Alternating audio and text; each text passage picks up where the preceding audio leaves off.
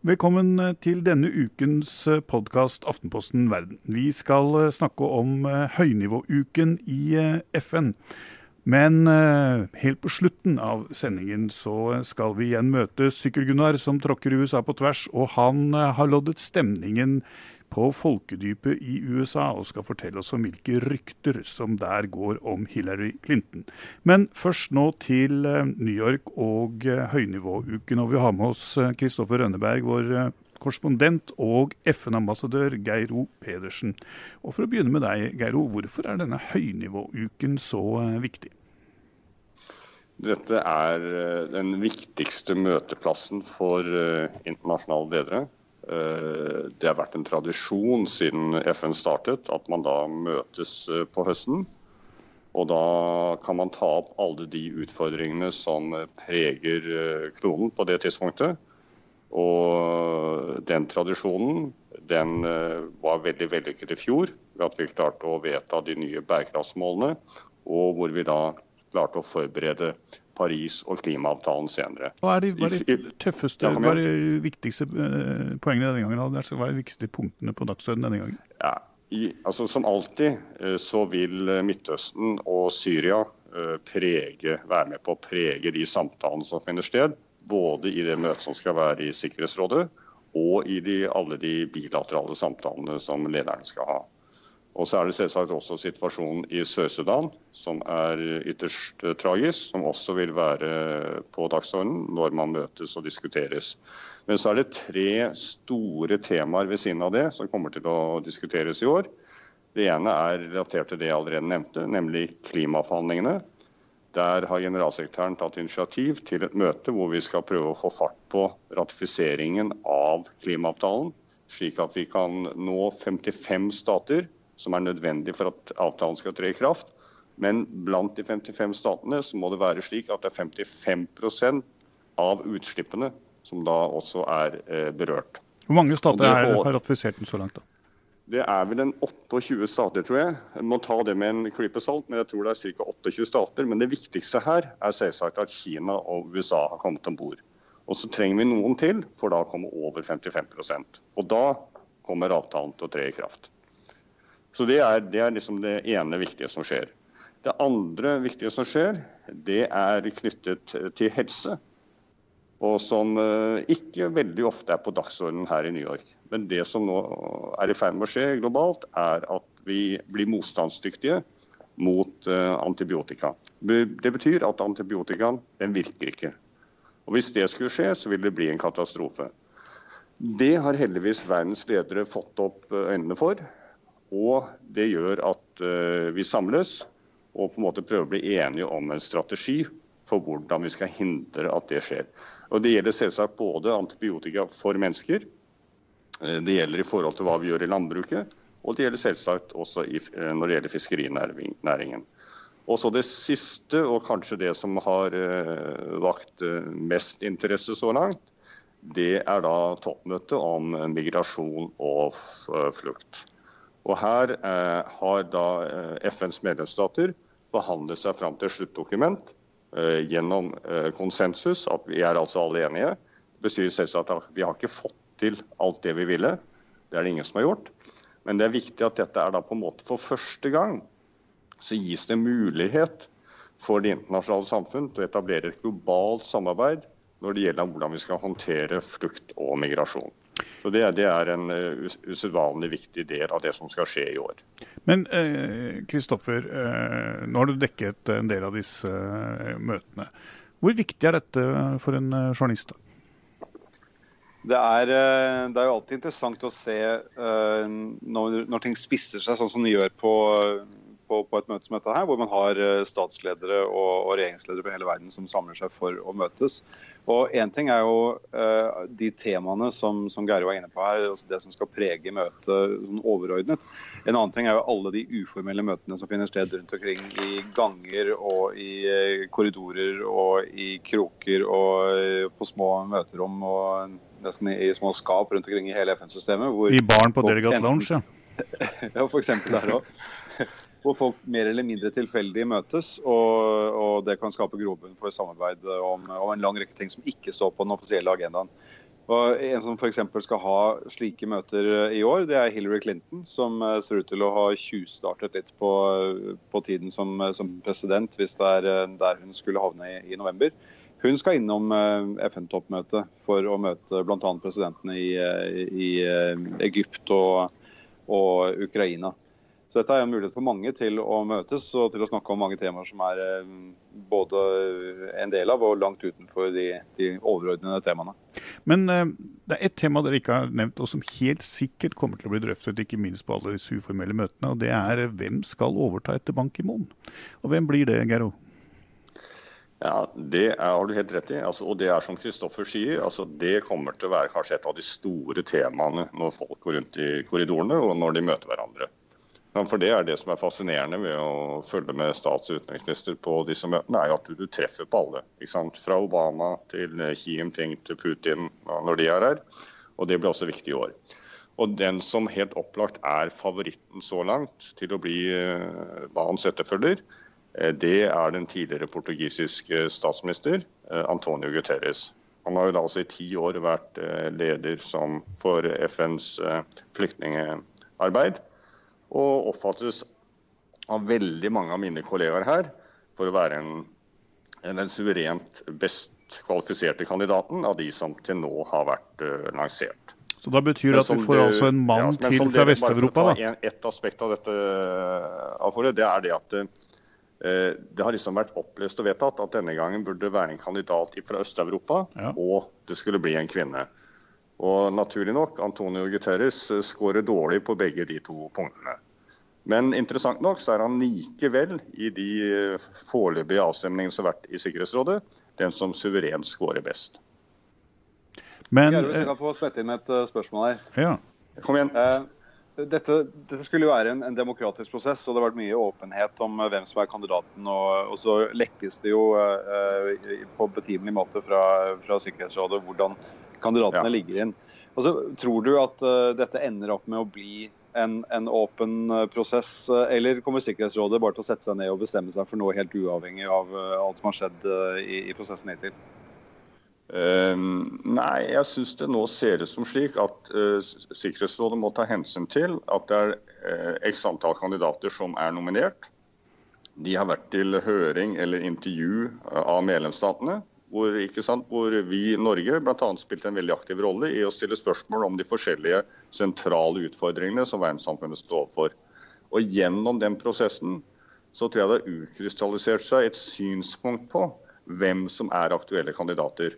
Og Der, der må jeg si at der tror jeg det som rører seg i den brede meningsmassen etter disse intervjuene, det reflekteres så langt også i avstemningen i Sikkerhetsrådet. Men så vet vi jo og Det tror jeg vi må være helt ærlige på. og Det er at det er selvsagt Sikkerhetsråd som til slutt kommer til å ha en avgjørende stemme i dette. her. Og i Sikkerhetsrådet så er det selvsagt de fem faste medlemmene, og ikke de ti valgte. Med andre ord det er Kina, det er Russland, det er USA. Det er spesielt de tre, men også Frankrike og Storbritannia, som vil ha det avgjørende ordet. For de kan da nedlegge veto også på dette spørsmålet her.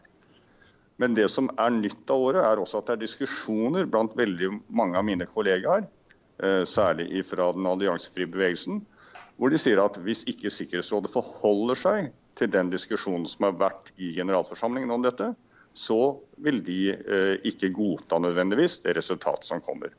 Men jeg synes det per dags dato ser det ut som en teoretisk problemstilling. Det betyr ikke at ikke det kan komme andre nye kandidater i løpet av de neste ukene.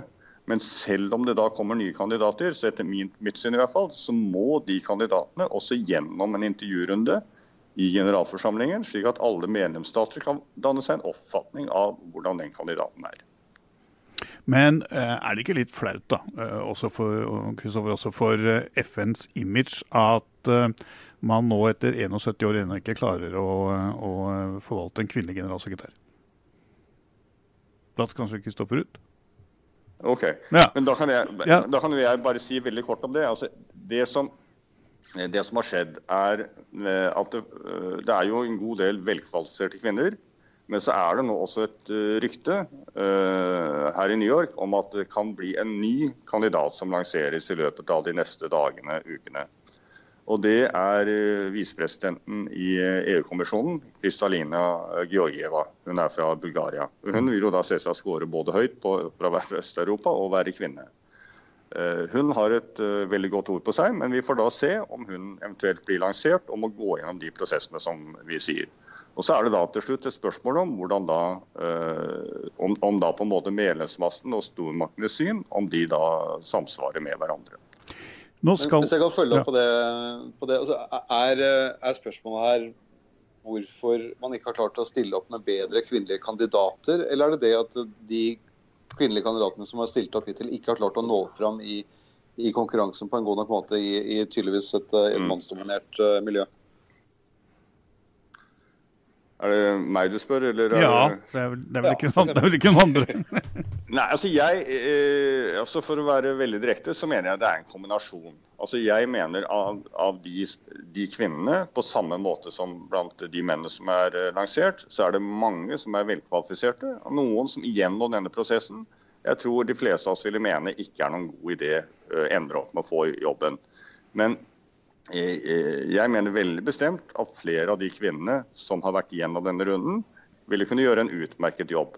Men så er det da politiske hensyn som kommer inn og er avveiende. Og så tror jeg også det er en følelse blant veldig mange at Guterres Introducing Wondersuite from Bluehost.com. Website creation is hard. But now with Bluehost, you can answer a few simple questions about your business and get a unique WordPress website or store right away. From there, you can customize your design, colors, and content. And Bluehost automatically helps you get found in search engines like Google and Bing. From step-by-step guidance to suggested plugins, Bluehost makes WordPress wonderful for everyone. Go to bluehost.com/wondersuite.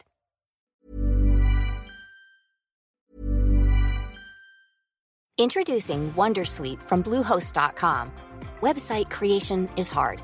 But now with Bluehost, you can answer a few simple questions about your business and get a unique WordPress website or store right away. From there, you can customize your design, colors, and content. And Bluehost automatically helps you get found in search engines like Google and Bing. From step-by-step guidance to suggested plugins, Bluehost makes WordPress wonderful for everyone. Go to bluehost.com/wondersuite. Har en unik bakgrunn for å kunne mestre en slik jobb. Og Det er nok det som viser seg i disse, disse resultatene. Det som kanskje er mer overraskende, er at ikke det er noen av kvinnene som ligger litt nærmere han eh, i, i de avstemningene som har vært fram til nå. Det, det, det, tror jeg må kunne si. Men hvilke kvalifikasjoner er det man uh, legger vekt på i disse ansettelsesintervjuene? hadde jeg sagt? Altså, jeg tror det er særlig ett område Eh, eller to områder som jeg vil framheve. Det er at du på en måte på alt som har med fred og konflikt å gjøre, at du må ha nå en leder som vil eh, kunne gå inn og være en talsmann for verdenssamfunnet og det internasjonale samfunns moralske stemme eh, på en kraftfull måte. Det vi nå har sett siden 2010, er at vi har hatt antagelig en, i hvert fall en dobling av antall konflikter i verden. Og Det er å gripe fatt i dette og på en måte ikke la stormaktene få lov til å hindre oss i å bevege seg framover, men å kunne gå inn og være en, en, interessant og viktig og nyttig samtalepartner på det området, det er kanskje det viktigste. Det andre eh, det er at vi må ha en som klarer å kommunisere godt. Og På begge disse to områdene eh, så skårer Guterres eh, veldig, veldig bra. Pga. den selvsagt unike erfaringen han har fra mange år i FN-systemet og på å jobbe med en av de største utfordringene, nemlig eh, flyktninger. Og den erfaringen jeg har hatt som eh, statsminister i Portugal eh, tidligere. Så er det selvsagt også noe med personligheten å gjøre. Og Der kan jeg kanskje smette inn med det ja. som forble usagt i hva Geiro akkurat sa. og det er jo at I de siste ti årene så har FN hatt en generalsekretær som verken har vært god på å kommunisere, eller som har vært en klar og tydelig leder i, i de store globale konfliktene. Men Paradokset er jo ofte at de faste medlemmene av Sikkerhetsrådet ikke nødvendigvis ønsker en, en, en, sterk generalsekretær, men at de heller vil ha en som er mer sekretær enn en general. og Da kan det bli interessant å se om Guterres, som jo er en ganske tydelig type, om, om han eh, kan bli støttet av f.eks. Eh, om Russland kan gå med på å, å ha ham som generalsekretær. Ja, Geir, Geiro, tror du det? Kan han bli for tydelig som kandidat? At han faller gjennom til slutt? Det er det som altså Kristoffer setter uh, fingeren på et helt avgjørende punkt. Uh, og det er, det er, jo helt riktig at uh, tradisjonelt så har man ikke ønsket en for sterk generalsekretær. Så har man noen ganger blitt overrasket. Når man valgte Dag Hammarskjöld, så trodde man ikke han ville bli en sterk generalsekretær. Han, han ble kanskje den mest suksessfulle generalsekretæren vi har hatt noen gang. Det samme med Kofi Annan. Man trodde han ville bli mer sekretær enn general, men man ble overrasket.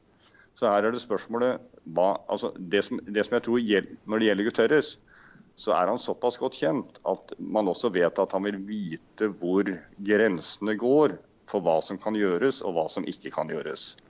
Eh, fordi han er såpass erfaren. Eh, skulle man ende opp med en annen, så er det mer det hvordan vedkommende vil da på en måte vokse inn i jobben og vokse med oppgavene. Slik som da en Kofi Annan og en Dag Hammarskjöld gjorde.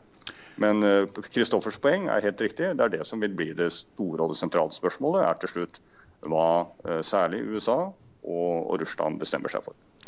Og eh, Trafikkforholdene på Manhattan kommer til å bli ganske skrekkelige ja. i de dagene. Spesielt så lenge Obama er der. Har Obama noe spesielt program? Dette blir jo hans siste FN-toppmøte. Ja, altså Dette blir jo både Barnes og Obamas eh, siste møte. og Det er store forventninger selvsagt til uh, hva Obama vil si i sin uh, tale til, til generalforsamlingen på tirsdag morgen. Han skal også ha tatt initiativ til et eget møte om migrasjon og flyktninger, som, som, da han leder. Hvor han har da sammenkalt ca. 40 statsledere til å være med, og hvor da Solberg skal representere Norge i, i det møtet. Og Det tror jeg også er, er, typisk for Obama. Altså I fjor rettet han søkelyset mot uh, det arbeidet FN gjør på fredsvarende operasjoner, nettopp fordi antall konflikter i verden øker. Nå retter han søkelyset på slutten av sin presidentperiode på spørsmål knyttet til, uh, til flukt og, og, migrasjon. Og Han vil da prøve å bidra til at det blir både uh, økonomisk, et økonomisk løft, og at statene forplikter seg til å håndtere flyktningstrømmen um, på en annen måte med byrdefordeling.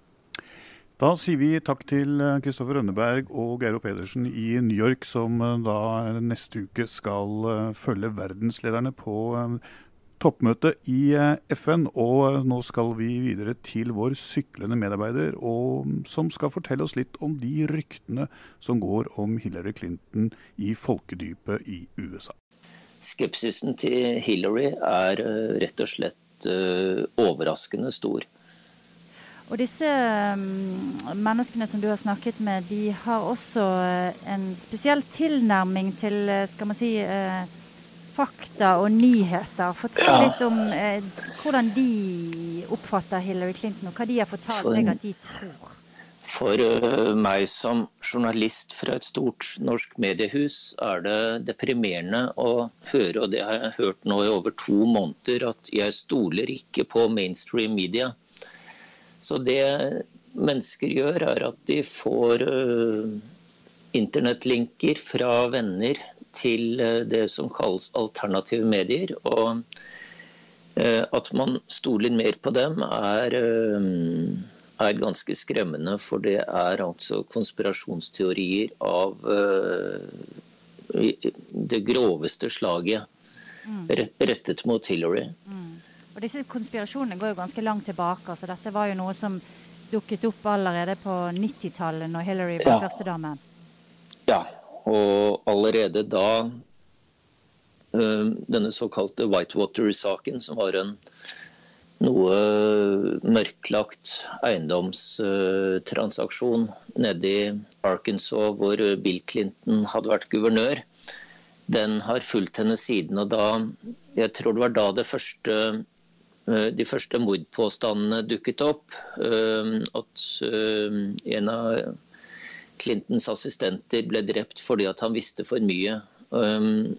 De som teller disse mordpåstandene har nå kommet opp i nesten 50 eh, påstått mistenkelige dødsfall rundt mm. Eh, familien Clinton. Mm. Vince Foster var vel denne mannen som eh, ja, det ble mye snakk om? Ja. Mm. Som eh, jobbet i Det hvite hus da påstandene kom opp og etter alle solmerker begikk selvmord. Men det, det, hevdes at det er svært mange som begår selvmord etter å ha lagt, lagt seg ut med Clinton. Og, som, som en jeg snakket med i går sa, og selvmord skjøt seg selv i hodet. Ha-ha. Uh, Hvilke andre ting uh, forteller folk deg om Hillary Clinton? Det, um, det er veldig mye seksuelle rykter. Også noen hevder at hun var um, utro mot Bill, og at Bill ikke er uh, faren til datteren deres. Det, det er én side av det. Og ganske mange hevder at hun egentlig er lesbisk. Og uh, i dagens politiske klima så legger det med en gang til at uh, ikke at det gjør noe, men hun lyver om det. Mm. Uh, og ryktene er på det nivået at um, lesbisk forhold til Yoko Ono, altså John, John Lennons kone, på, på 80-tallet, så på internett er det jo ikke vanskelig å finne bevis for at jorda er flat heller. Men uh, når man først uh, mistror Clinton og ikke stoler på um, ikke stoler på alminnelige medier, så er det lett å finne bevis for nesten hva som helst. Og Gunnar, du er langt oppe mot grensen til Canada, og det hakker bitte lite grann på Skype-linjen vår her, men det tåler vi når vi får eksklusive rapporter fra det amerikanske heartland, kan man vel kalle det. Um, det er altså sånn at man trekker i tvil hele Hillary Clintons uh, identiteter, kan man, kan man, si det så enkelt? Ja. ja.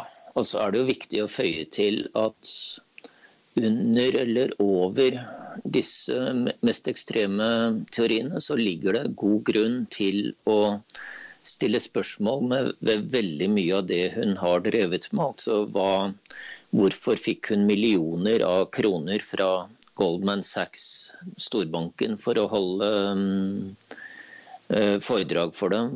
Uh, hvordan var egentlig forholdet mellom henne som utenriksminister og Clinton-stiftelsen? Uh, det, det, det, er mange gode grunner til å mis, mistro henne. og Inntrykket mitt er at de mer saklige eh, mistankene gir eh, god næring til de villere Skiller folk mellom disse forskjellige eh, typene kritikk? Altså, eller er det sånn at man tar like alvorlig eh, påstandene om at han har hatt forhold til Yoko Ono som at, eh, at hun eh, mottar penger fra Goldman Sachs? Altså, ser man på det som, like, som helt likeverdige fakta? Nei, det er, og det er nok litt forskjellige mennesker. Og Hillarys største problem er jo at også veldig mange demokratiske velgere misliker eh, Sachs-stiftelsen, eh, måten hun løy på når det gjelder denne e-postserveren. Mm. Eh, så, sånn at eh, og, og, for hennes valgkamp så er eh, det at eh, de som er langt ute på høyresiden, hater henne, ikke et stort problem, men eh, at det faktisk fins eh, spørsmål rundt henne som også potensielt demokratiske velgere syns er vanskelige, det kan eh, til syvende og sist faktisk velte hele valgkampen hennes og gi seieren til, Donald Trump. Sykkel-Gunnar tråkker videre. Dette var en liten prat kollega Kristina Pletten hadde med Sykkel-Gunnar for noen dager siden. Vi eh, er nå kommet til veis ende i denne Aftenposten Verden-podkast. Eh, du kan følge oss på Twitter og Facebook. Kom gjerne med tips og innspill. Du kan følge Aftenpostens utmerkede utenriksjournalistikk på alle plattformer. Og vi er fortsatt i på papir i en postkasse nær deg. Navnet mitt er fortsatt Alf Olask. Vi er tilbake igjen om en uke.